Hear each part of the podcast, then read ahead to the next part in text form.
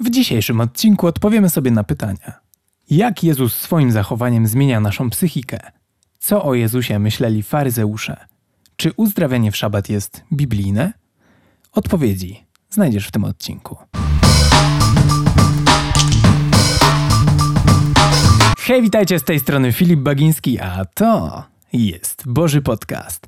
Witajcie, dzisiaj przechodzimy do Ewangelii Mateusza do 12 rozdziału, który zaczyna się tak. W tym czasie, a był to szabat, Jezus przechodził między łanami zbóż. Jego uczniowie, głodni, zrywali po drodze kłosy i jedli wyłuskane z nich ziarno. Widząc to, faryzeusze zarzucili Jezusowi. Twoi uczniowie robią to, czego nie wolno robić w szabat! A czy nie czytaliście o tym? Odpowiedział Jezus. Co uczynił Dawid, gdy był głodny? On sam i jego towarzysze. O tym, jak weszli do domu Bożego i zjedli chleb obecności, którego nie wolno było spożywać ani jemu, ani jego towarzyszom, a tylko samym kapłanom. Albo czy nie czytaliście w prawie, że w dzień szabatu w świątyni kapłani łamią szabat i są niewinni? Mówię wam, w tym przypadku chodzi o coś więcej niż o świątynię. Gdybyście rozumieli, co znaczy miłosierdzia chcę, a nie ofiary, nie potępialibyście niewinnych. Wiedzcie, że Panem Szabatu jest Syn Człowieczy. Tutaj na chwilkę się zatrzymamy. Co mówi nam ta historia?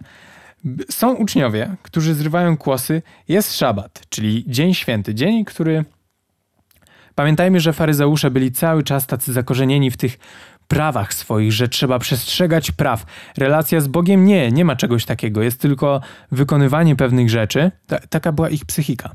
Jest tylko wykonywanie pewnych rzeczy i trzymanie się schematów. Nic ponad to. Po prostu trzymanie się schematów.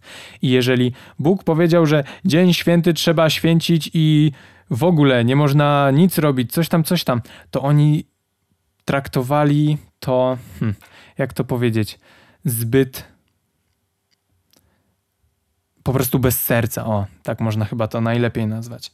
Bo oni po prostu sobie jedli, a wtedy jakby faryzeusze tego nie robili. I teraz tak.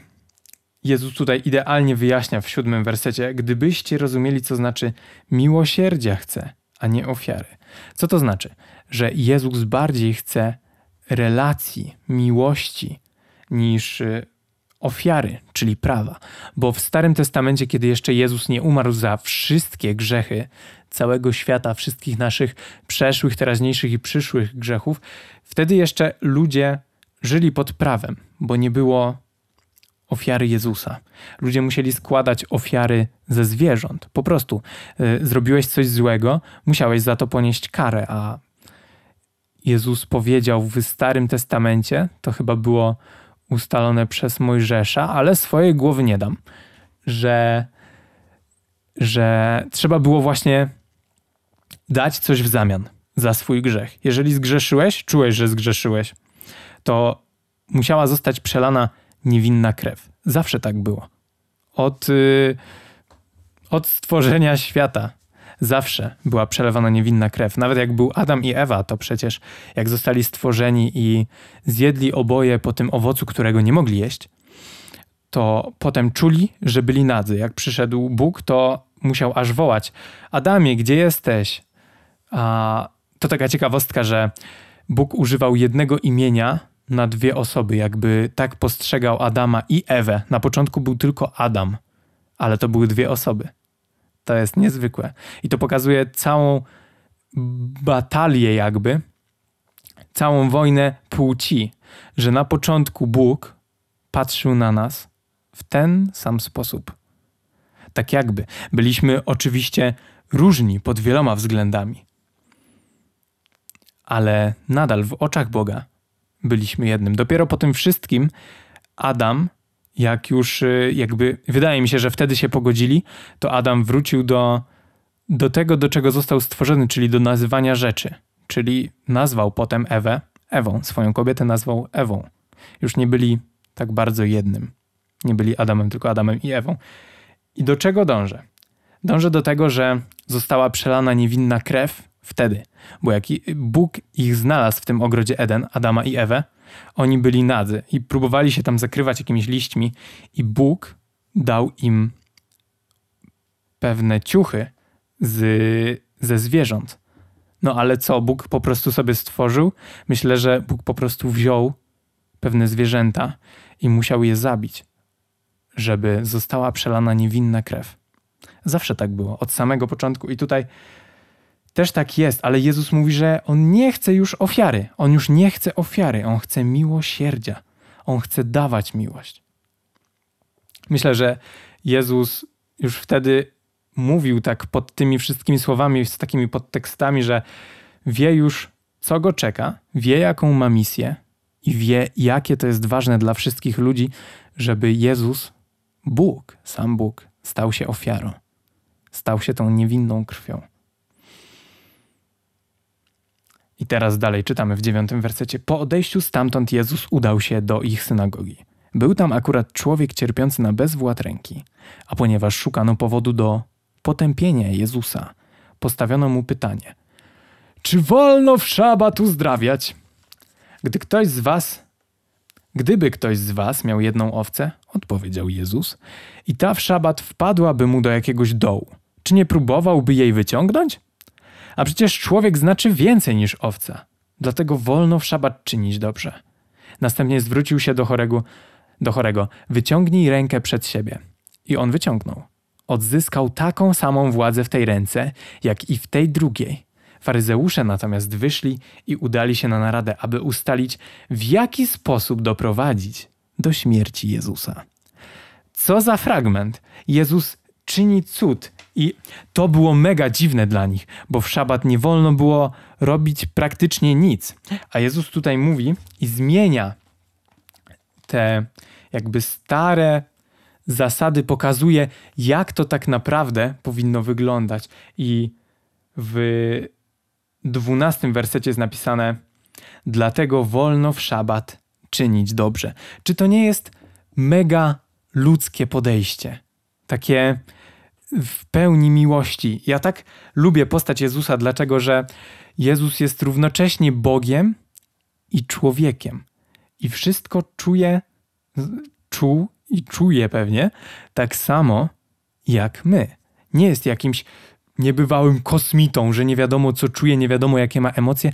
On był taki sam jak ja, miał to samo ciało. A jednak żył w zupełnie inny sposób. To jest dla mnie niezwykłe. I tutaj Jezus robi coś tak mega odważnego, bo uzdrawia tego człowieka, mimo że wokoło są faryzeusze. I co oni potem robią? Oni nie cieszą się z tego, że hej, co za ogromny cud. Przecież chyba ja bym się cieszył. Tak mi się wydaje. Gdyby osoba obok mnie z takiego problemu, że wiecie, w innych tłumaczeniach jest, że ta ręka była uschnięta, czyli no, że w ogóle już tam życia w niej nie było, a nagle ma taką samą sprawność jak ta druga, że w końcu człowiek jest uzdrowiony. Wow, to oni nie, oni wychodzą i mówią: Ej, jak możemy go zabić? Niesłychane to jest. A to jeszcze nie koniec, bo w 15 wersecie czytamy: Jezus przejrzał te plany i oddalił się stamtąd. Poszły za nim wielkie tłumy, a on uzdrowił wszystkich nich, a on uzdrowił wszy, wśród nich wszystkich chorych. Nakazywał im jednak, by nie czynili wokół niego rozgłosu. W ten sposób wypełniło się to, co zostało powiedziane przez proroka Izajasza. Oto mój sługa, którego wybrałem, mój ukochany, źródło radości mej duszy złożę na nim mojego ducha i on ogłosi narodom sprawiedliwe prawa. Nie będzie toczył sporów i nie będzie krzyczał. Nikt na ulicach nie usłyszy jego głosu. Trzciny nadłamanej nie dołamie i tlącego się knota nie dogasi, dopóki nie doprowadzi do zwycięstwa sprawiedliwości. W jego imieniu narody będą pokładać nadzieję. Jakie to jest piękne. W jego imieniu narody będą pokładać nadzieję. To jest koniec, moi drodzy. Te fragmenty są niesamowite. Tak to do mnie dociera, że mimo tych wszystkich zasad, jakby się mogło wydawać, mamy czynić dobrze. Mamy czynić dobrze. W pełni miłości. To jest tak piękne dla mnie, odkrywcze zarazem. Odkrywamy razem to, jaki jest Jezus, jakie jest zachowanie, jaki ma charakter. To jest, mi się wydaje, prawdziwy bohater, z którego sam chcę brać przykład. Nie jestem idealny, ale ile mogę sam od siebie wyłożyć, tyle zrobię. A resztę zrobi Bóg. Tak wierzę. Tak wierzę. Dziękuję Wam za ten odcineczek i nie zapomnijcie kliknąć na YouTube przycisku subskrybuj albo przycisku obserwuj na Spotify, abyście mogli być zawsze na czasie z nowymi materiałami, aby Bóg działał w nas jeszcze mocniej. Trzymajcie się i niech wspaniały Bóg Wam błogosławi. Amen.